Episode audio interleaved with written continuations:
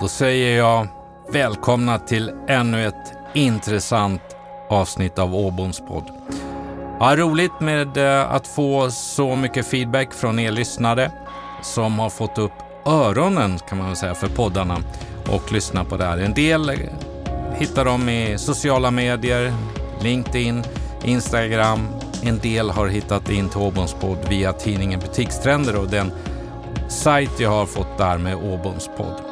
Ja, det är en stor tacksamhet att återigen få sitta i poddstudion för att tillsammans med dagens gäst prata om ledarskap, kommunikation, drivkrafter, hur ser framtiden ut, värderingar, se om vi kan få några tips och råd.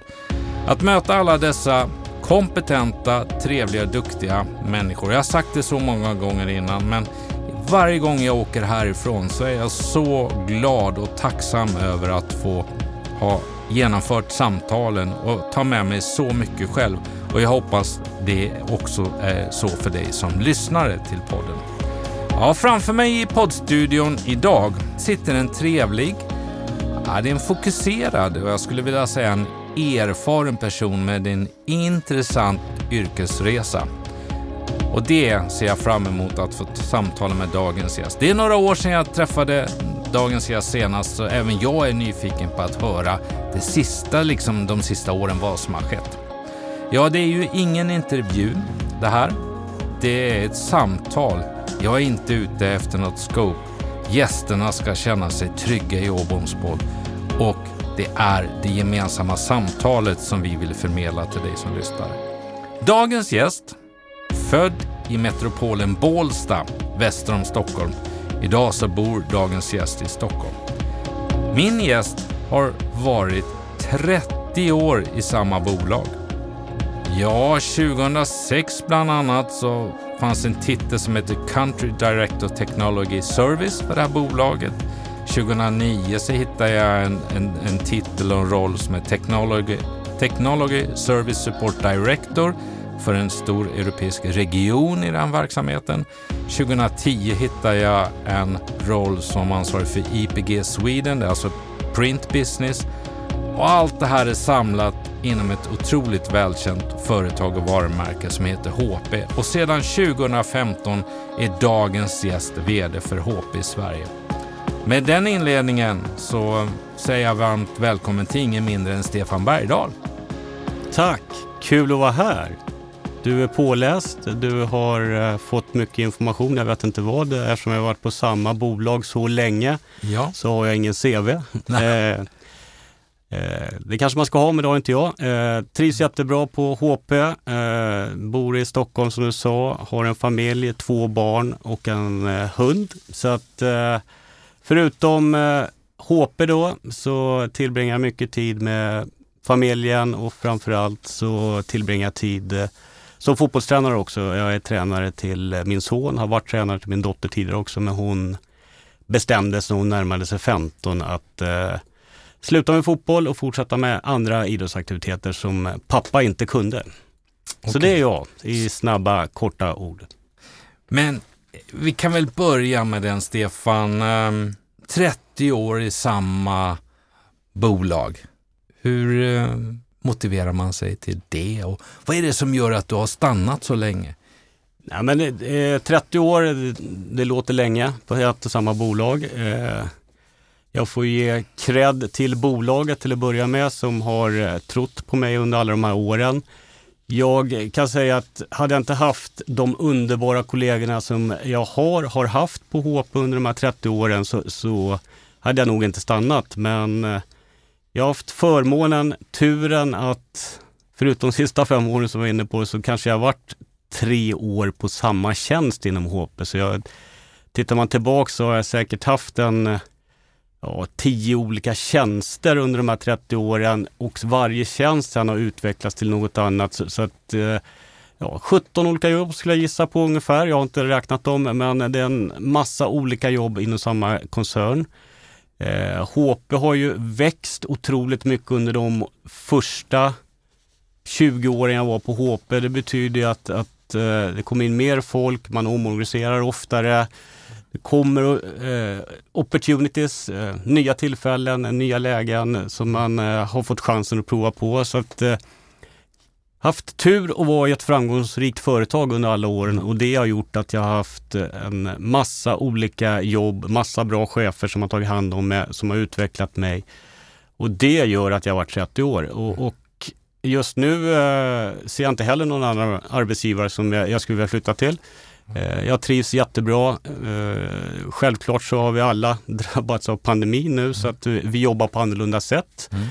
Eh, men det är också en utmaning, det är också något nytt man får lära sig. Hur ska man få sin personal och, vara motiverad när man jobbar hemifrån och sådana saker. Så att det jag finns tänkte, alltid något nytt att ta i. Det finns, jag tänkte vi skulle komma till det lite grann och mm. naturligtvis hur, hur ditt ledarskap och chefskap har påverkats under pandemin. Men eh, HP kan du, jag menar vi alla vet, utgår ifrån i princip att vad HP är, det är ett sånt välkänt varumärke. Men berätta lite grann, vad är HP Sverige idag? HP Sverige idag, vi är eh, 120 anställda. Vi skeppar eller levererar en PC i minuten i Sverige dygnet runt, året runt. En printer varannan minut. Så nu får du räkna baklänges hur mycket det blir, men det är en gigantisk otrolig massa PC och printrar vi levererar ut till svenska marknaden. Eh, så mycket av våran affär är ju PCn till framförallt företag, för den marknaden är otroligt mycket större än konsumentmarknaden i Sverige, men även till konsumentmarknaden. Och print är eh, en otrolig massa printers som kunder fortfarande, eller vi fortfarande köper hem. Eh, vi printar inte lika mycket men det är bra att ha där hemma det vi behöver printa ut. Men samtidigt så säljer vi också printlösningar till företag. Det här är ungefär 90 procent av vår totala business i Sverige. Sen har vi stora tryckpressar som är 30 meter långa för riktiga tryckerier, digitala. Eh, en sak som är ganska kul att prata om som har gjort det är att vi gjorde så att Coca-Cola kunde köra den här kompisreklamen de gjorde för ett antal år sedan där det stod ett namn på varje flaska. Det kunde stå Stefan eller Anna eller ja, Lars och sådana saker. Och då kunde de ha koll på att nu börjar Anna ta slut, så då tryckte man mer Anna-flaskor och så vidare. Så det var med vår teknik som gjorde det möjligt för Coca-Cola att köra den kompisreklamen. Vi printrar, eh, skriver ut på textiler så att eh, vissa klädmärken eh, är printade på våra maskiner. Eh, vi eh, har precis de sista fem åren börjat med 3D-skrivare också. Vi levererar inte 3D-skrivare för hemmaanvändare utan det är för professionellt bruk så att eh, stora företag i Sverige jag kan tyvärr inte säga vilka företag för de fortfarande tycker de att det är en hemlighet att de investerar i det och vill byta sin produktion från där de har idag till nya ställen då. Men, men, eh, det är en jättetillväxt på, på den marknaden och framförallt skulle jag vilja säga som man inte tänker på det är om man vill göra en prototyp av någon produkt. Det gamla sättet så har man ju troligtvis gjort den prototypen i Asien någonstans och det tar lång tid att, att skicka den dit och skicka tillbaks den. Och vi vet alla att många av de större varumärkena idag så finns det billiga kopior att köpa. Var i kedjan det försvinner, det kan jag inte tala om, men har man 3D-skrivaren nära sig så är risken mycket, mycket mindre att prototypen, prototypen läcker ut till eh, sådana kopior. Min, min granne Göran hemma, eh, som jag med ett leende säger med att det är en jobbig typ, och det menar jag naturligtvis inte. Jo, det, jag menar utifrån att han, han kan allt. Han fixar allt. Det är därför mm. han... Eh, och det kan ju min respektive ibland säga, kan inte du göra det? Ja, men, hallå? Ja, men Göran gjorde ju är mm. eh, Men oerhört trevlig. Han, han byggde ut och han jobbar egentligen med fin elektronik. Så byggde han ut ett vind, inglasat eh, uterum om man säger så. Mm. Och eh, så ville han ha speciella ventilationsgrejer i det. Så mm. var han inte nöjd med det. Mm. Då, vad gjorde han då? Då försvann han ju upp på övervåningen och där stod hans egen då 3D-printer, för mm. det är det han jobbar med inom fin elektronik till, till mm. eh, bluetooth och grejer och så. Mm. Så att, jo, sagt och gjort, så gick det några år, så ropade han på mig, Mikael, kom ska du få se. Och då satt det fyra ventilationsgaller som han gjort i 3D-smitt. Mm. Nytt liv tänkte jag, det är en ny tid helt klart. Så är det, så är det. Mm. Och, och, den största utmaningen vi faktiskt ser i, i gå från traditionell tillverkning till additiv tillverkning, heter det, men 3D-printning mm. är ju framförallt att Vi har ju under massa generationer börjat med något stort och gjort det mindre. Tar du träindustrin till exempel, ett träd som vi gör mindre till slut blir en tändsticka till exempel. Mm. Här måste man börja precis tvärtom och börja från noll och bygga åt andra hållet. Mm.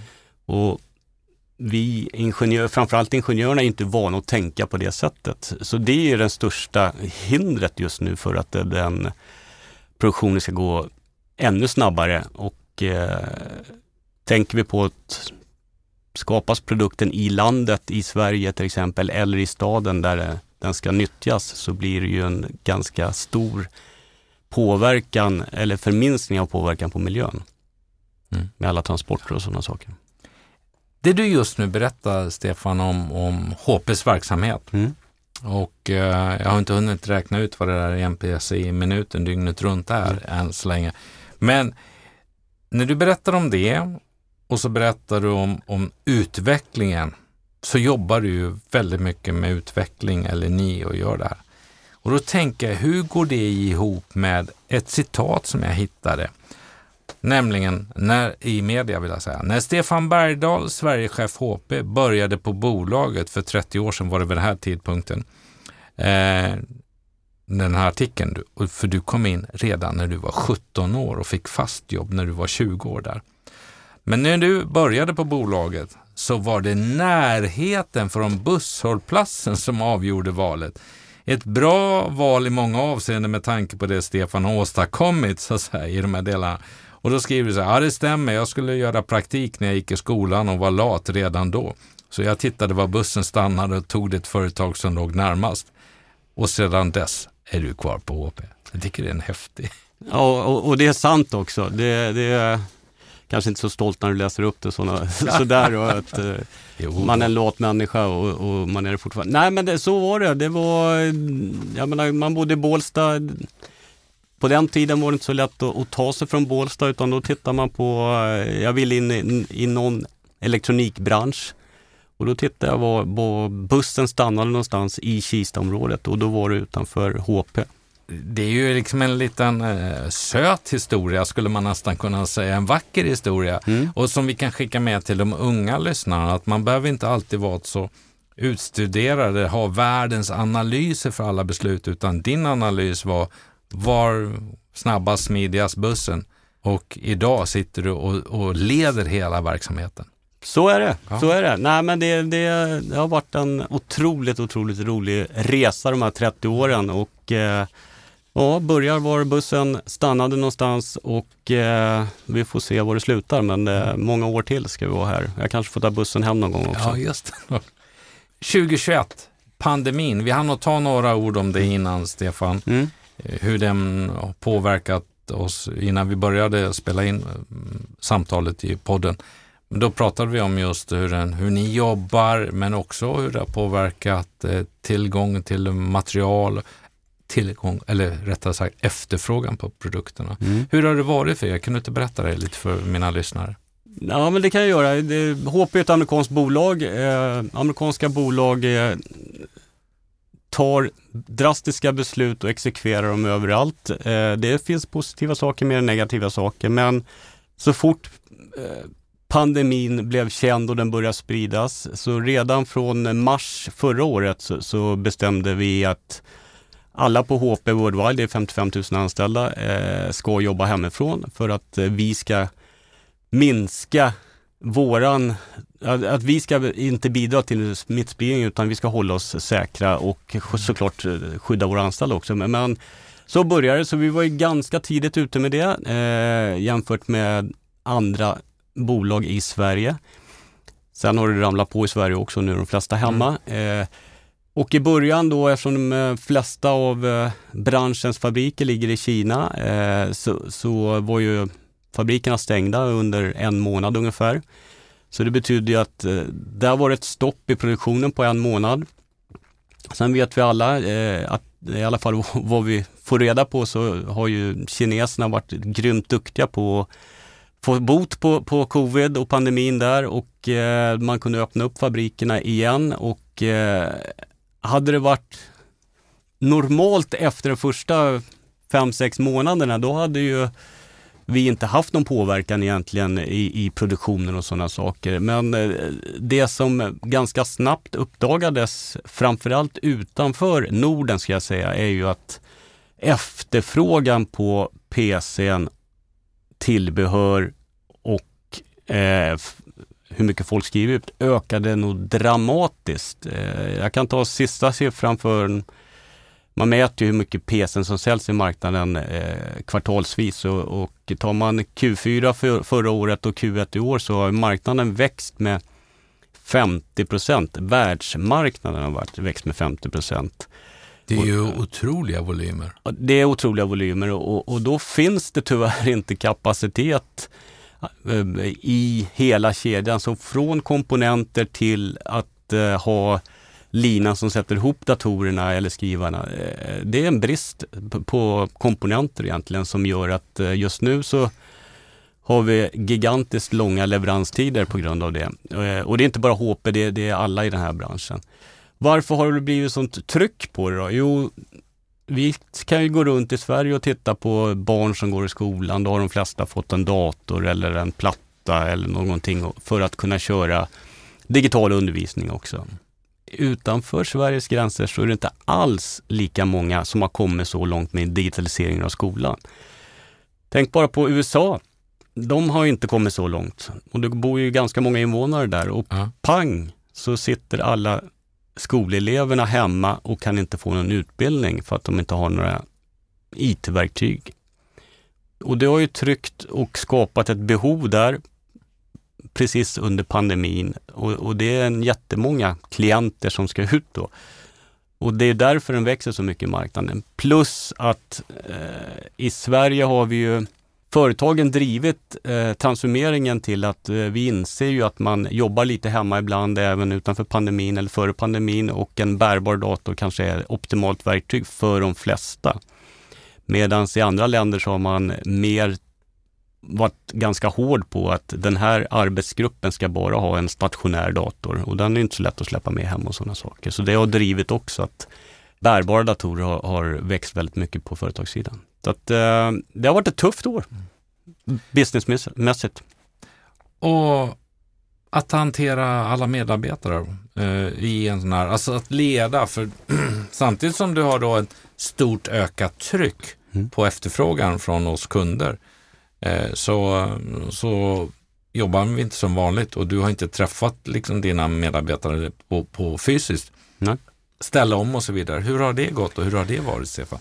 Ja, men det, det, jag kan säga, jag, jag som VD, jag har nog jobbat sista året 40 procent av min tid med hur kan vi se till att vår personal har det så bra som möjligt under den här pandemin. Så jag har lagt väldigt mycket egen tid på det, så har en jättebra HR-organisation som hjälpt till också. Men, men i början så, så, var det mycket after work digitalt. Det var olika typer av extrainsatta möten för att informera runt pandemin och sådana saker.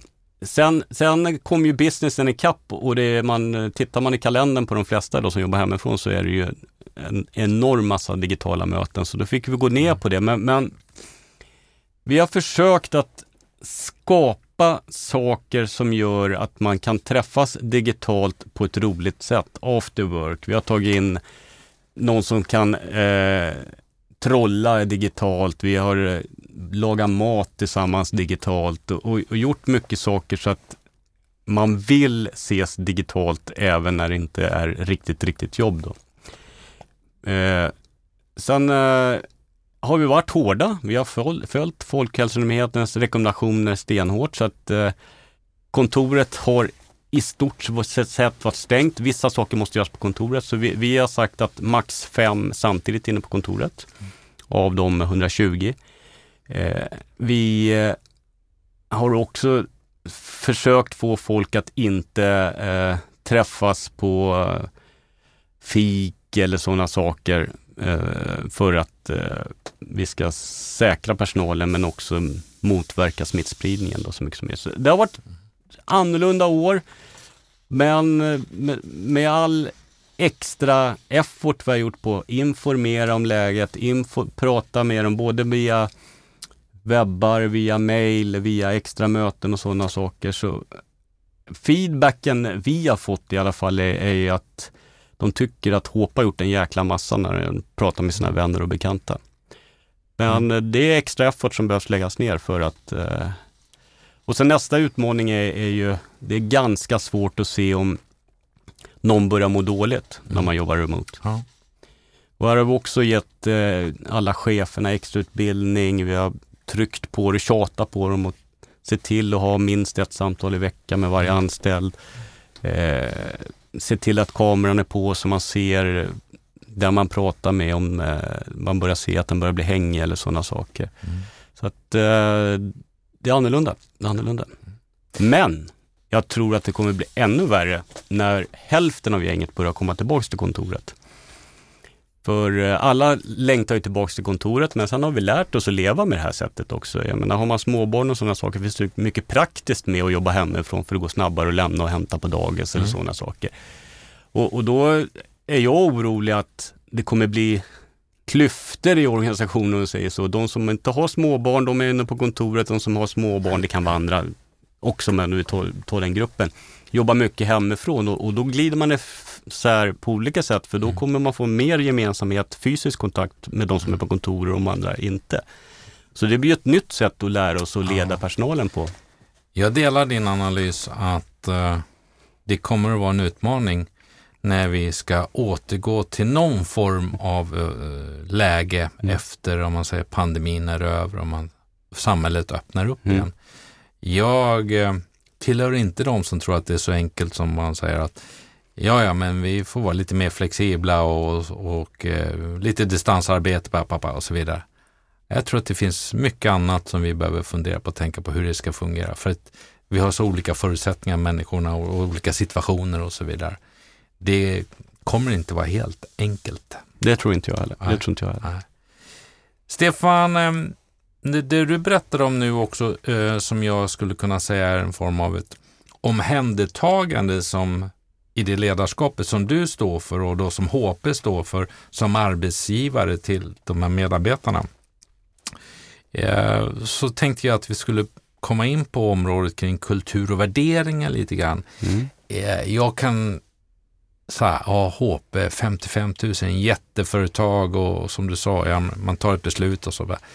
Men hur skulle du beskriva den, kult, den kulturen eller de värderingarna? För det du beskriver nu under vad ni, så är det väldigt mycket hjärta känner jag, mm. där du har ett omhändertagande för dina medarbetare och hur viktiga de är. Men om du tittar totalt på HP, hur är kulturen? Ja, men, kulturen är, är, den är det är ett amerikanskt bolag så, så den kanske inte är lika stort hjärta men, men vi fick ju en ny CEO nu i november och eh, han har ju ett gigantiskt hjärta också förra året, november. Eh, så, så, att allt han gör drivs ju runt hur kan vi utveckla personalen. Vi jobbar jättemycket med mångfald på företaget för att få in olika kulturer och eh, på ett techföretag också få in ännu mer eh, kvinnor i ledande roller och sådana saker. Vi jobbar mycket med att eh, man själv ska känna att mitt nästa jobb kommer finnas på HP och sådana saker. Sen, sen är det ju amerikanskt i sifferhantering, eh, ordning och reda. Vi möten varje onsdag för att rapportera av siffror och sådana saker. Men, men där har vi i Sverige försökt filtrera av det här på chefsnivå så att vi blir filtret mot det fyrkantiga amerikanska rapporteringsbolaget. Då. För att vi tror att vi ska driv, kan driva en bättre kultur genom att vara mer hjärtlig, som du sa, i organisationerna. Så, så jag skulle vilja säga att det är ledningen i HP Sverige tar ett jätteansvar för att bryta bort det fyrkantiga mm. amerikanska till ett mer mjukt HP Sverige. Hur, hur rapporterar till exempel du när man är VD för HP Jag rapporterar till eh, en tjej som heter Ann-Sofie Hadberg. Hon är danska men uppväxt, eller inte uppväxt, hon har alltid jobbat i Frankrike. Hon flyttade dit när hon var 20. Så hon sitter i eh, Grenoble. Fransk, och hon har jobbat då i Frankrike så hon har ju en fransk managementstil. Den är mm. annorlunda än svensk kan jag säga. Tidigare hade jag en sydafrikan som chef, eh, också en annan ledarskapsstil än en svensk. Så att, någonstans får, jag måste ju också tycka, ja det är okej, okay. det här är det sättet man tror att man ska leda en svensk. De har ju alla gjort det förut och, och jag får ju anpassa mig till, till det och, och egentligen sätta ett filter på sen att nej men i Sverige gör vi det så här. Eh, det kan vara ganska kul också. Sen är det ju oftast så med alla människorna som man träffar så klär man sig en roll när man är chef och det är ett stort forum man pratar om kontra när man är ensam och pratar med, med sin anställd. Och, och, det är en intressant skillnad tycker jag, med, framförallt med utländska chefer som har en hög position, att de tror att de måste bevisa någonting mycket mer än vad, vad en människa är ett möte. Medan jag hoppas att jag uppfattas som att jag är en människa även i möten i Sverige. Värderingar alltså, är det något som du i din roll pratar väldigt mycket om med den svenska ledningen eller medarbetarna eller är det bara, det sitter där i ryggraden för alla som kommer in eller hur, hur tar ni om hand om de nya medarbetarna som kommer in i HP Sverige? Jag skulle vilja säga att mycket sitter i väggarna och i ryggraden. Eh, sen har vi skapat att det sitter i ryggraden på något sätt. Men, men jag tror att så länge de som har varit en längre tid på HP jobbar efter de värderingar man vill ha. Man vill ju att eh, alla vi ska ta hand om varandra. Vi ska, det ska inte vara något problem att prata med veden i Sverige om man inte rapporterar dit och sådana saker. Men det är ingenting vi pratar om utan för mig är det mer hur agerar vi? Som, eh, jag som vd till exempel. Det är klart som sjutton att eh, Anna-Lisa kan prata med mig lika bra med någon som rapporterar till mig. Det, mm. Jag ser ingen skillnad där. Hur kör vi diskussionerna i forum med den som inte är chef, om när man nu är chef, har ett större ansvar än någon som inte är chef. Alla är lika mycket värda och, och en väldigt, väldigt platt organisation skulle jag vilja säga att vi har. Och det skapar en glädje att man vill samarbeta, man vill hjälpa varandra. Eh, så att jag ska inte säga att jag jobbar jättemycket med det. Vi har i baktanke, amerikanskt bolag igen, vi blir mm. nerpumpade med massa saker hela tiden. Det ändras inte, man ser till att den fyller det och håller det. Eh, jag tror mer på att agerar vi efter de sakerna vi har bestämt att vi ska göra så kommer organisationen göra det också. Och jag har haft lyckan att ha till eh, superchefer som rapporterar till mig som, som äh, agerar precis efter våra värderingar egentligen. Mm. Äh, vi är jättenoga med att alltid, alltid vara ärliga mot äh, våra kunder och partners. jag kan berätta att framförallt den publika affärsläget i, i Sverige är ju så att det är ju ett visst antal av våra återförsäljare som vinner kontrakten och får sälja till det. Vi har ganska stor marknadsandel i Sverige så många vill gå med oss men vi är tydliga och raka och säger att nej men tyvärr i det här fallet så har vi jobbat med partner A i, tio år. Vi kommer gå med dem. Istället för att och, och säga att nej vi vet inte, vi kanske ska göra det. För då sätter vi ju den andra partnern i en dålig situation. Mm. Och nästa gång så kommer de inte ha något förtroende för oss. Så vi försöker vara öppna och ärliga i alla lägen för att eh, ha ett förtroende långsiktigt. Och vi försöker göra så mycket som möjligt långsiktigt.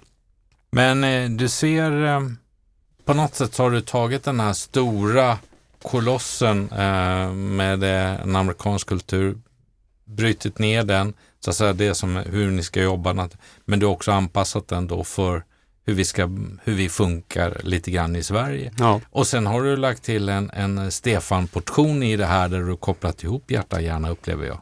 Det, det, Efter 30 år. Så kan det vara, så kan det vara. Nej men och, och se, så är det ju att det är nästan nu så att eh, när vi har utmaningarna med att efterfrågan är större än vad vi kan leverera i, i rätt tid i alla fall till våra kunder. Så, så måste vi som chefer gå ut och säga att det, det, här är inte personligt, du kan inte ta det personligt. Så, så mycket hjärta har min personal för, mm. för HP som företag. Så att det är ett personligt misslyckande för att inte HP kan leverera. Så mycket hjärta har jag fått i de anställda. Det är fantastiskt bra. Mm. Eh, personalomsättning är ingen siffra du ska nämna så, men jag tänker på 30 år, är det vad jag vill säga, är det unikt eller kommer du in så blir du kvar länge eller? Snittåldern nu, och då har vi faktiskt anställt lite folk också, Mm. är, är, jag tror att den är eh, 12 år. Är 12 år. snitt hur länge man har varit på Ja. För kopplat till det här Mm. eh, som du tänkte säga, eller som jag med eh, ålder och de här delarna och din del, så har jag faktiskt eh, jag har krypit in lite bakom kulisserna. Mhm. Eh, och så sa jag till den här personen, kan du på något sätt beskriva Stefan Bergdahl som vd? Då sa den här personen, ja det är en person, Stefan, som vd. Han har alltid en åsikt. Han är en helikopterledare, strategisk som väl som operativ. När HP delades upp i två bolag eh, så hanterade han splitten väldigt bra och så skapade han ett eget starkt brand för HP i Sverige. Och där har han lyckats bygga ett eh, starkt nytt lag i HP. Och trots sina 30 år på HP så har han förnyat sig och varit up to date hela tiden. Det var kul. Det var kul att höra. Det var Ja. kul att höra. Nej, men jag, jag kan gå tillbaka lite till splitten. Och det här blir ju ganska lite internt då, men, Mm. den andra delen av företaget, inte den jag jobbar på, då, det var loket på gamla Hewlett Packard egentligen. Och vi var en vagn som åkte med. Mm. Eh, och så uppfattades ju hos våra kunder, hos våra partners och sådana saker. Och, och det, det var ju en utmaning att inse att nu är det vi loket själva. Och, och dra det och sådana saker. Och, och den tidens vd var den som hade alla mötena med vd på partner och sådana saker. Och nu började jag steppa in och ta det. Men, men eh, igen, grymt team. Vi är öppna och ärliga. Vi har haft utmaningar som alla andra också, men eh, det är det gick mycket bättre än vad jag trodde det skulle göra, skulle jag säga. Jag menar, eh, det är klart man är nervös när man blir, eh, får ett nytt jobb och man eh, har massa arbetsuppgifter som man inte har gjort tidigare. Och alla trodde ju, jag menar PSN har ju varit död i tio år nu va, tror jag om man läser pressen och sådana saker. Att, eh, och skulle våra partners fortsätta satsa på klienter och sådana saker. Och det har man gjort, men, men man visste ju inte att när man Mm. började. Hur skulle du själv beskriva dig som ledare? Eh, får jag lära Nej, citatet? Nej, jag det, skojar, alltså. jag skojar bara. Nej, då. Nej, men jag gillar att försöka hitta ett annat sätt att göra saker på än hur man har gjort historiskt. Eh, och det är jäkligt jobbigt för organisationen för jag har ganska många idéer på det och jag vill testa massa saker och, och ska man vara helt ärlig så läggs jag på toppen på allas anställda. Så att, eh, ibland måste någon säga till mig, Stefan ta det lugnt nu, vi måste prova det här först och se om det funkar. Eh, så att det var en gammal chef till mig för länge, länge sedan som sa till mig, Stefan, att en sak måste du komma ihåg. När du börjar ett nytt år så måste du alltid tänka ut att du behåller 80 procent vad du gjort tidigare, 20 måste bytas ut och göra på ett annorlunda sätt. Sen om det är 90 eller 80 eller så, det spelar inte så stor roll. Men, och det där har jag tagit till mig att, att hur kan vi säkerställa att vi är framgångsrika eh, som företag de nästa fem åren också? Och då måste vi göra något annorlunda. Och hur kan vi göra smartare saker än våra konkurrenter? Hur kan vi hjälpa våra partners att bli ännu bättre? Hur kan vi hjälpa våra kunder att bli ännu mer lönsamma? Och det här driver mig otroligt mycket. Så, att det är väl helikopterbiten då av mig. Sen är, jag ju intresserad av detaljer. Hur ska vi få alla våra kunder att, att inse att det är bättre att ha bläck till sin hemmaskrivare på abonnemang än att springa och köpa den när den tar slut. Och det är ju ett annat sätt. Hur kan vi få, och då vill jag vara i detaljerna på det här. Eh, vad är marknadsplanen? Varför gör vi marknadsplanen så här? Eh, och jag brukar alltid, alltid i alla de här diskussionerna gå tillbaks till min familj eller mina vänner. Mm. Hur vet de vad det här med abonnemang på eh, till, eh, supplies till skrivare? Nej. Ja, men då har vi inte lyckats. När de börjar förstå det, sen behöver de inte hoppa på det, men de vet att det finns. Mm. Så att, och då behöver jag ner i detaljerna igen och förstå det. Så att min ledarskap är, är eh, litar otroligt mycket på mina anställda. Jag stöttar mina anställda jämt. Även om jag vet att de har gjort fel så stöttar jag dem och sen tar vi en diskussion och säger att vi kanske ska göra det på ett annat sätt nästa gång. Eh, gillar förändringar och tycker att det är bra med organisatoriska förändringar också, för det gör att människor får växa i organisationen. Mm. Så att vi får något nytt att tänka på, nytt sätt. Som ledare, när du går hem på fredagen, är det viktigt att eh, vara en omtyckt ledare? Alltså är, det, är det en drivkraft i sig för dig att du har fått den feedbacken? Eller hur? För jag menar, en ledare behöver ju fatta bland tuffa beslut eller beslut som påverkar individer. Och så vidare. Mm. Ja, det var en, en bra fråga. Men, men, inte helt enkel fråga. Den är inte helt enkel. Nej, men för mig är det viktigt att organisationen tror på Stefan Bergdahl som ledare för det här företaget. Och sen, sen, kan det ju hända att ibland måste vi ta ett jäkligt tråkigt beslut om någon anställd som eh, vi inte kan ha kvar av vissa anledningar och sådana saker. Det är klart det gör ont och det är inget roligt beslut att ta men om den här funktionen, personen har bidragit till att de andra 120 anställda fått springa mycket snabbare eller göra hens jobb så inser de andra i organisationen att jag måste ta det här beslutet för det är bättre för oss allihopa i framtiden. För mig är det viktigt att jag, jag den dagen jag inte känner förtroendet för min organisation, jag delegerar, jag litar hundra på dem, ja då är nog jag fel på det stället. Och inte dem, Nej. utan det är jag. Mm. Men det ska vara kul att jobba, man ska skämta, jag är en ironi, kan inte alla människorna, men jag är väldigt ironisk och det är ännu roligare när man har utländska chefer kan jag säga, för de har ingen aning om när jag kör ironi eller inte. Eh, jag gör det ibland för mycket när jag har eh, möten för alla anställda i Sverige. Jag kommer på direkt efter när jag sagt att det här kanske inte var så smart. Framförallt inte när, de inte, när man kör över eh, ett Teams eller Zoom-möte eller sådana saker. Men det är jag. jag. Jag tror på att alla anställda ska vara sig själv i alla situationerna. Och man ska vara trygg i sig själv. Och, och vi det är en del av mångfald också. Vi måste acceptera alla olikheter. Mm. Och det är nytta för bolaget. Det är nytta. För ett tag sedan fångade jag, jag tror det var ett eh, LinkedIn-inlägg från er, där eh, normalt sett har du, ni har liksom tidigare har ni haft fysiskt med, med eh, någon form av kick-off eller vad det nu kan vara. Sen har ni då haft digitalt sådana.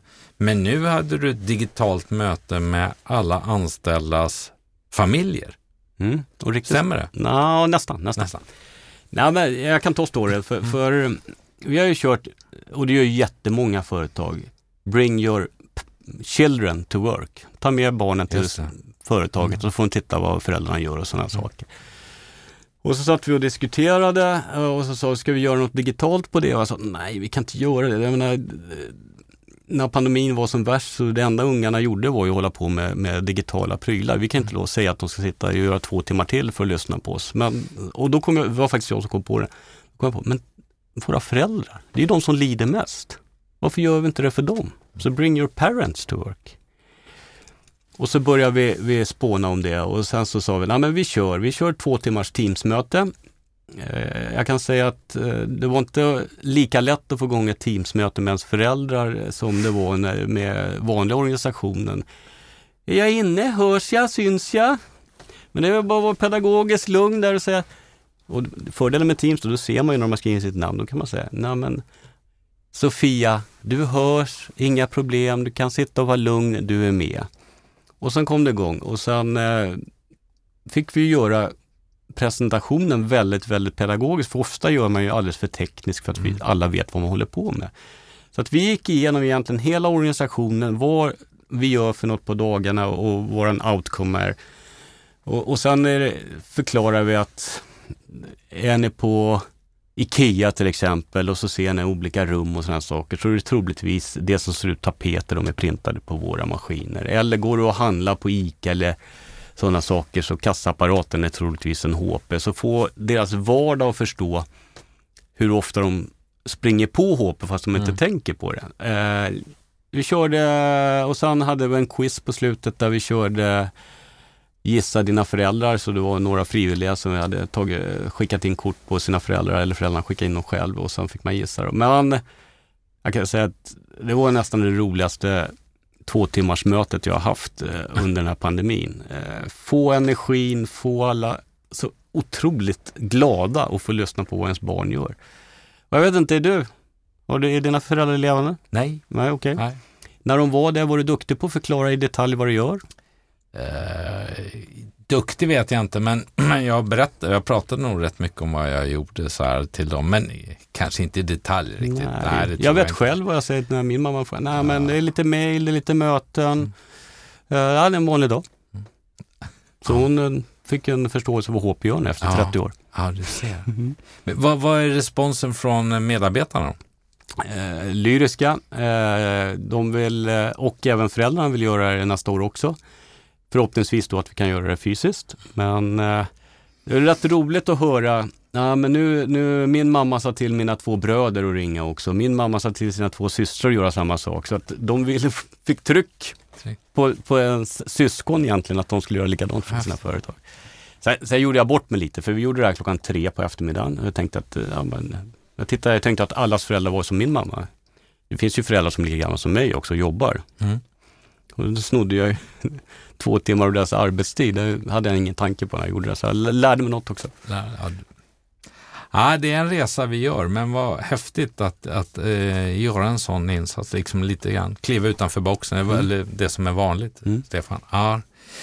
Du, De yngre ledarna, som också då jag har förmånen att få med och lyssna på Åboms podd.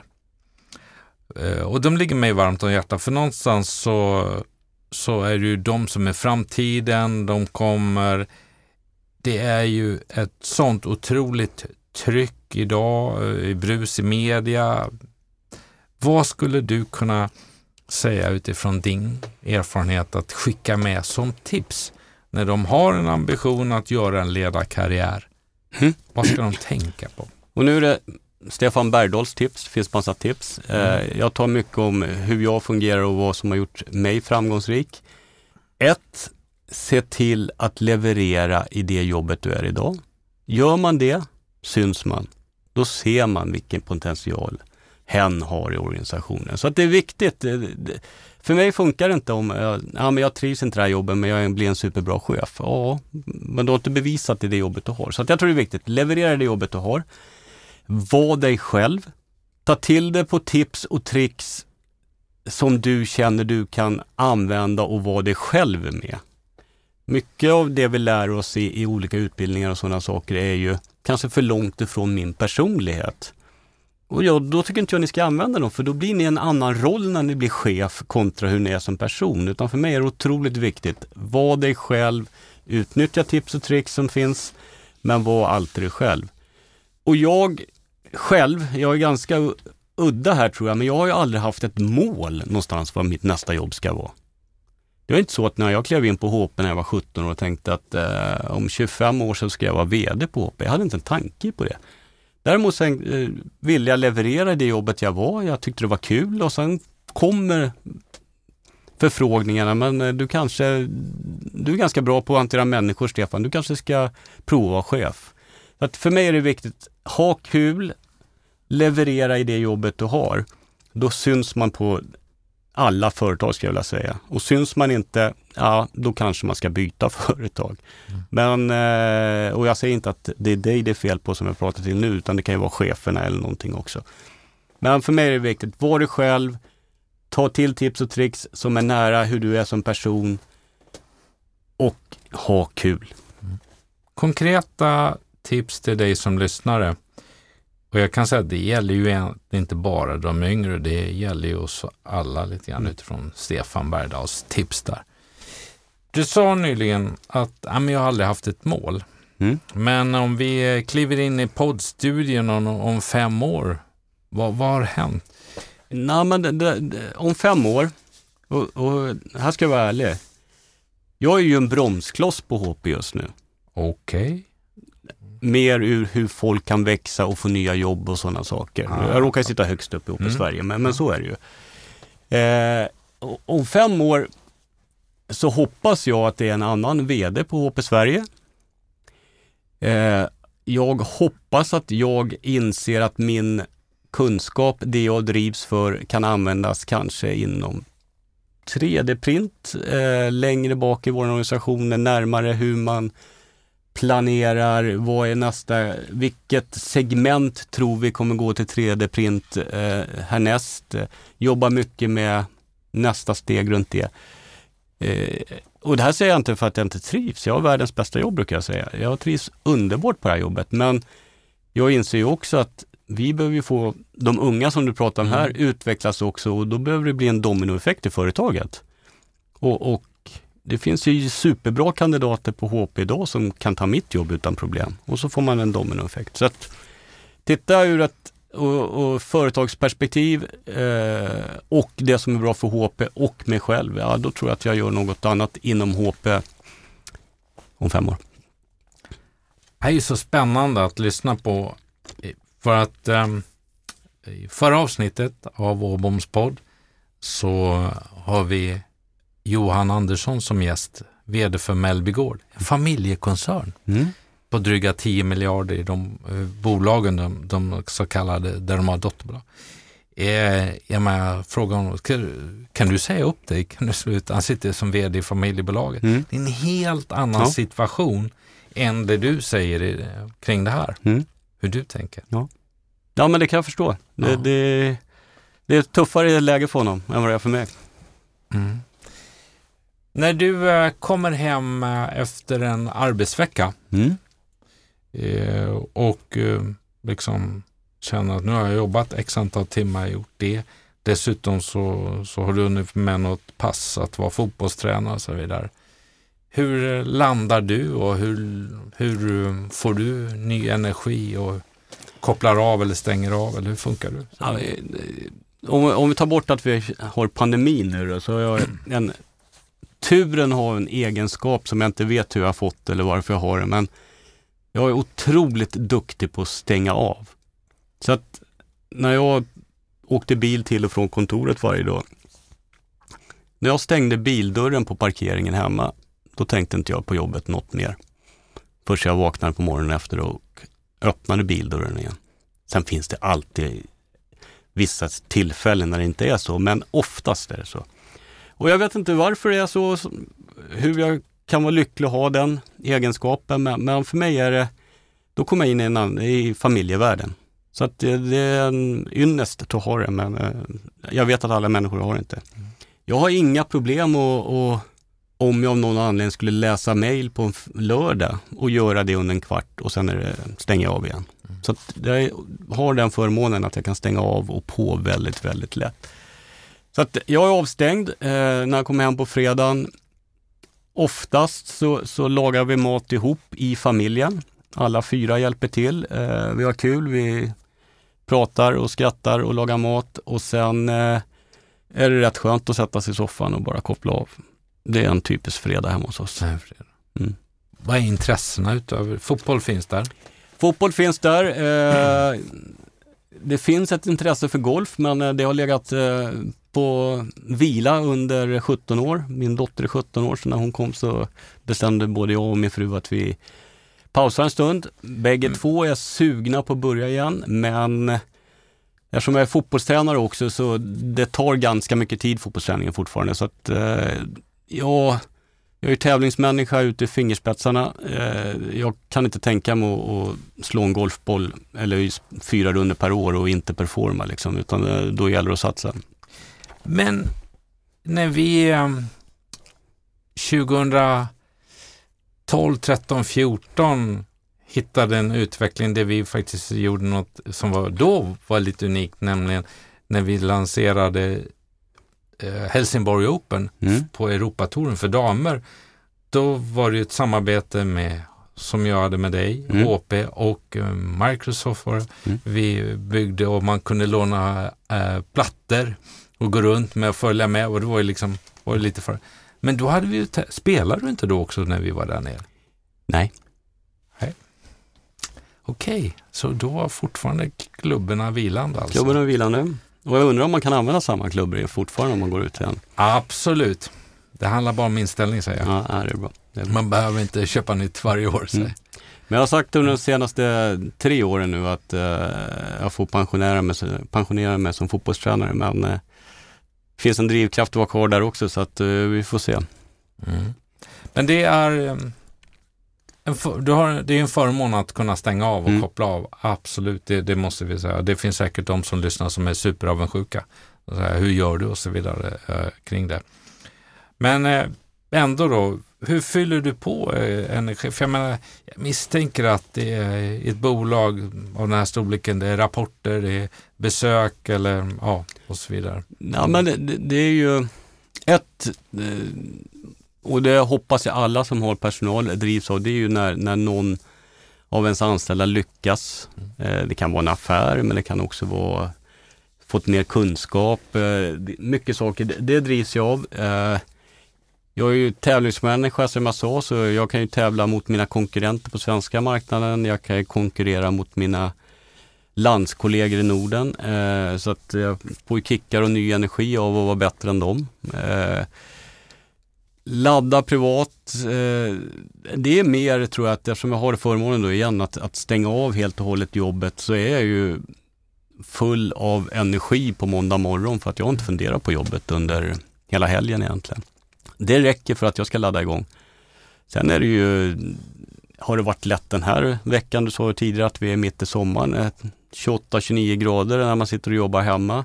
Är det jättekul? Nej, mm. det tycker inte jag heller. Eh, skulle jag hellre vilja åka och bada? Ja. Då, just nu är det ju tufft liksom. Och så är det nära semestern och alla börjar gå på de sista energin man har och sådana saker. Och, och, det är lika för mig. Jag menar, jag är en människa som alla andra det är tufft liksom. Eh, och, och, vi vet att eh, vi har massa kunder som väntar på sina grejer och så. Så att eh, det gäller att hitta de små, små sakerna som tänder eh, gnistan. Och, och här är en annan sak som vi, vi har pratat mycket om runt i pandemin nu. Det är att det blir ännu mer när man är hemma att man inom parentes bara gör sitt jobb. Det är ju positivt, för det är därför man är anställd. Men man har inte fikastunden som man kan behöva prata med kollegor. Det blir inte samma sak om det är digitalt. Eh, man går inte ut och äter lunch med någon. Man träffar inte någon utanför sitt team så lätt. Man kan göra det digitalt men eh, tittar man i allas kalendrar så är alla 100% bokade för mm. att det är enda sättet att prata med folk. Då, då har eh, vi i ledningsgruppen nu då, vi, vi ska ha berätta lite om, om HP Sverige för högsta ledningen borta i USA här i, efter sommaren. Och, och då har vi tagit ett, en sak att prata om miljöarbetet hela Sverige gör egentligen. För vi, Sverige är ju väldigt, väldigt drivande runt det här om man jämför med andra länder. Och då märkte jag direkt hur energin kom på allihopa. För då började vi ta, tänka på något som inte är det var, vardagliga. Vi började tänka på andra saker som just den här gruppen då var driv och tycker är kul. Och det där tror jag är superviktigt att, att man minst två timmar varje vecka, alla anställda, har ett projekt som man får energi av. För allt det vi gör på arbetstid får vi inte energi av. Det är ledsen att säga, men vissa saker är rutinsaker, vissa saker är inte lika roligt. Men för mig är det viktigt att ha den här energiboosten på arbetstid också. Och, och energiboosten kan vara som jag sa om det här projektet. Det kan vara att gå ut och springa. Det kan vara att hjälpa, göra en samhällsinsats. För mig spelar det ingen roll, för jag som ledare tror att om, om mina anställda får, lägger två timmar av sin arbetstid på att få den här energin, så jag tjänat in det i mångfald på det de levererar sen. För att de är gladare, positivare, tar snabbare beslut för att de är fulla av energi. Mm. Hållbarhet. Mm. Jag fångade lite av det när jag satt och förberedde mig och tittade lite grann och det, det skrivs en del om, om HP hållbarhet här i mm. Sverige. Och så sa du att ni har tagit en position inom HP-världen liksom just med fokus. Kan du berätta lite mer om det? Ja, absolut.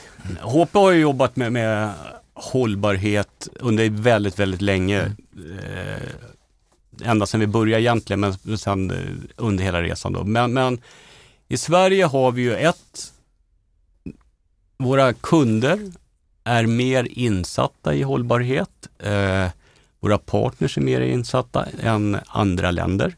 Så att vi, vi får ju ett krav också från, från eh, våra kunder och så. Och, och sen är det ju så att har man en, många organisationen som drivs av det här och det är superbra unga i organisationen för, för dem är det här nästan det viktigaste. Men eh, då kan man sitta och titta och då drog vi igång ett projekt här eh, runt jul, strax före jul i Sverige. Tyvärr är det så här, när man köper en, en datorskärm idag till sitt företag så ligger det ofta fem kablar i förpackningen till den där. Och oftast har kunden redan haft en skärm också på kontoret. Så, och då är det istället för att krypa under skrivbordet och byta ut de där två kablarna så, aha, de passar ju de här två så då stoppar jag i dem istället. Så då är alla de här kablarna helt onödiga att skeppa. Så vi bestämde oss att vi tar bort de här kablarna på vissa modeller och får vi se vad som händer. Och, och det, nu kommer jag inte ihåg siffrorna i huvudet, för nu, men det var ju gigantiska mängder kilo som bara till lilla Sverige som vi spar i transportkostnad. Och sen ska vi tillverka dem också, det är en annan sak också. Och det här är initiativ från en anställd i, i min organisation till exempel. Eh, och det här är ju, för henne är det en drivkraft i de här två timmarna jag pratar om. Men det är ju det här som är så intressant. Sen att få det här att fungera i en gigantisk maskin som HP som finns i nästan alla länder i världen. Det är inte det lättaste att få det implementerat. Men vi har fått det implementerat. Nu kan kunderna välja att köpa med kablar eller utan kablar. Och det är ju något sätt som vi i Sverige på HP kan påverka för miljön. Sen har vi ju mycket saker att vi försöker få kunderna att köpa en lite dyrare skrivare för den håller längre, en lite dyrare PC för den håller längre och sådana saker. Eh, men där är svenska kunderna ganska eh, duktiga också ska jag säga. Alltså jag kom direkt att tänka på um, kabelpåsen mm. som du säger, man får. Um, och jag har, tror jag, en eller två plastlådor på garagevinden med kabelpåsar som mm. aldrig används. Mm. Alltså det är bara, och det, räknar man det otroligt mycket överproduktion i onödan. Ja, jag skulle gissa på att det är 40 kilo bara på din vind. Och det är en, en. person. Ja. Eller familj. Mm. Så, så, att, eh, det finns mycket att göra runt det där. Jag tyckte det var väldigt intressant det du sa, jag måste fånga, jag fångar den där med, som du sa, skapa energi för de anställda, erbjuder två timmar i veckan ska du jobba med ett projekt och lite där. Mm. Jag tycker det har varit fantastiskt intressant att få sitta ner och lyssna på den resan du har gjort. Dels är jag imponerad över latheten vid busshållplatsen, hur den har tagit dig till, till det du är idag. Och det är ingen lathet mina lyssnare. Och jag kan också säga att Stefan har eh, med sina händer gestikulerat en del när han pratar här inne. Det är mycket energi i Stefan och uh, jag ser också tydliga spår av den här tävlingsmänniskan i dina ögon när du pratar om det. Men det, jag, jag gillar din resa och hur du tänker och vad du har fått med dig och du har verkligen en, en uh, idé även om du eh, så här, aldrig haft ett mål så tror jag att ja, men det finns nog lite grann. Men det kanske inte är karriärmålen på det sättet. Nej. Jag måste bara säga, ja, jätteintressant samtal och naturligtvis väldigt roligt att få träffa dig igen efter de här åren som har gått sen senast, Stefan. Så framför mig idag så har jag haft förmånen att ha Stefan Bergdahl som eh, har spenderat så här långt 30 år i HP-världen och kanske haft 17 olika roller under den resan.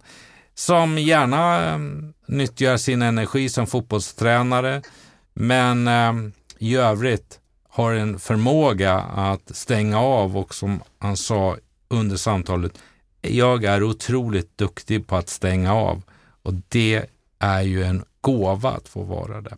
Att under eh, covid-19 pandemin som fortfarande eh, pågår vara i en stor internationell koncern med 55 000 medarbetare som tidigt fattade beslutet om att arbeta hemma, där efterfrågan på produkterna med datorer ökar på 50 procent på världsmarknaden Eh, idag så har under den perioden har Stefan kanske lagt ner upp till 40 procent av sin tid på att medarbetarna ska må bra. Gjort olika aktiviteter utöver all information, kommunikation, eh, se till att man kan laga mat digitalt, att trolla digitalt eller bring your parents to works, ett nytt initiativ. Sen skickade Stefan in ett stort men vad innebär det här för framtiden när hälften kommer tillbaka, hälften inte gör det, flexibilitet, olika situationer, vad händer då? Det är någonting vi ledare, bolagsledare, ledningsgrupper och alla chefer behöver fundera på. Har en erfarenhet vad det gäller kultur och värderingar därför att HP är internationellt, olika ledarstilar kring det här, i grund och botten ett amerikanskt bolag med den ledarkulturen och så pratar vi om då att föra in hjärta i också den delen. Stefan lyfter ofta fram ordet, ja men jag har förmånen att ha ett grymt team. Och det tycker jag visar på en tydlig närvaro av ledaren där man lyfter fram att man är inte en ensam, man är en lagspelare. Stefan gillar att hitta ett annat sätt vad det gäller drivkrafterna, att hitta ett annat sätt att göra saker. 80 till 20 har han lärt sig, nämligen att behåll kanske 80, behöver inte vara just 80, men du behöver byta ut 20 inför nytt år när du tänker på utvecklingen av produkter, tjänster, idéer, tankar och det. En eh, person som litar på sina medarbetare, som stöttar sina medarbetare och som gillar förändringar och som verkligen vill ha med människan i mötet i de här delarna. Tipsen som eh, vi fick i första hand till dig som en yngre lyssnare är nämligen att leverera idag där du är. Det är viktigt för att kunna ta nästa steg och var dig själv och var ärlig där mot dig själv då med så att det känns bra. Och tre, se till att ha kul. Tre viktiga delar att ha med dig i din resa. Om fem år ställde jag frågan, då säger han helt coolt och kallt och klart så här, jag ska inte vara en bromskloss. Och så har han någon form av ödmjukhet i en successionstänk och vad han vill göra för att det sker utveckling och där ska Stefan inte bromsa. Jag har mött en tävlingsmänniska. Jag har också vid dagens samtal mött en person som jag upplever som jordnära och som är väldigt enkel i sitt sätt att resonera och prata. Och då skrev jag inför det här mötet, även om vi nu har träffats innan, men det är några år sedan som sagt var, så skrev jag att jag tror att jag kommer att träffa en person lugn, trygg, tydlig och så trevlig. Ja, Stefan, en timme går fort när man kommer igång och pratar eh, tillsammans i en studio. Ruskigt fort. Och vi har klarat av värmen. Ja, Nej, jag är jättetacksam för att du tog dig tid. Jag vet ju att du har mycket att göra i din roll. Att du tackade ja till min inbjudan och ville dela med dig av dina erfarenheter. Den resa du har gjort under 30 år på HP. Väldigt bra Stefan. Tack för att jag fick förmånen att komma. Det har varit super, super kul att vara här. Det är också kul att reflektera, eller när jag berättar, det kommer naturligt och, och, och hur man är och sådana saker. Jag har inte förberett någonting, jag hade ingen aning om frågorna. Så att eh, man själv lär sig någonting av det här också, så det är jättekul. Framförallt har jag lärt mig och, och det är ju förmånen att få sitta här och träffa så många intressanta personer och jag vet att många, liksom, våra lyssnare tar med sig det här och, och också plockar axplock där. Så att det har varit eh, ett bra samtal och ett givande samtal och roligt, måste jag säga. Stefan, mina gäster som är här får alltid avsluta med en låt som kanske har betytt något speciellt eller spelas någon gång, eller vad den är, men eller bara en favoritlåt eller något som också då ger en bild av gästen Stefan Bergdahl. Så vad tänkte du bjuda på? Då kör vi ABBA, The Winners Take It All. Passar ju en tävlingsmänniska måste jag säga. Eller Kanske. Ja. Var rädd om dig, ha en härlig sommar och fortsatt lycka till med de kommande x antal åren på HP då säger vi. Tack så mycket och du eh, njut av sommaren och eh, se till att vara med dina nära och kära för eh, det är viktigast ändå. Det ska jag göra. Tack. Tack så mycket. I don't wanna talk about things we've gone through though it's hurting me. Now it's history. I played all my cards, and that's what you've done too. Nothing more to say, no more race to play. The winner takes it all, the loser standing small beside the victory.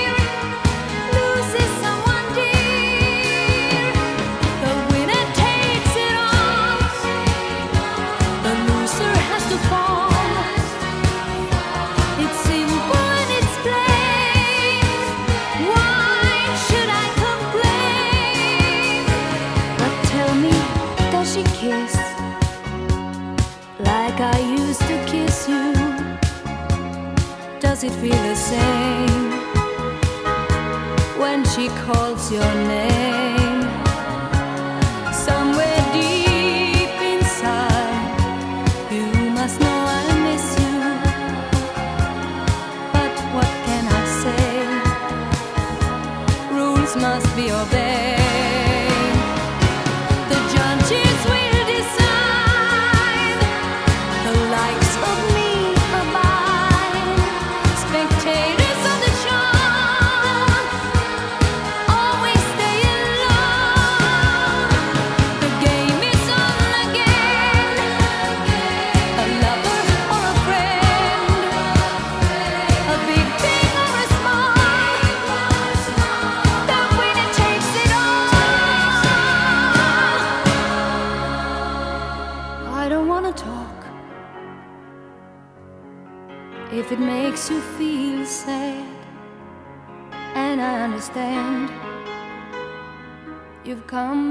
Shake my hand.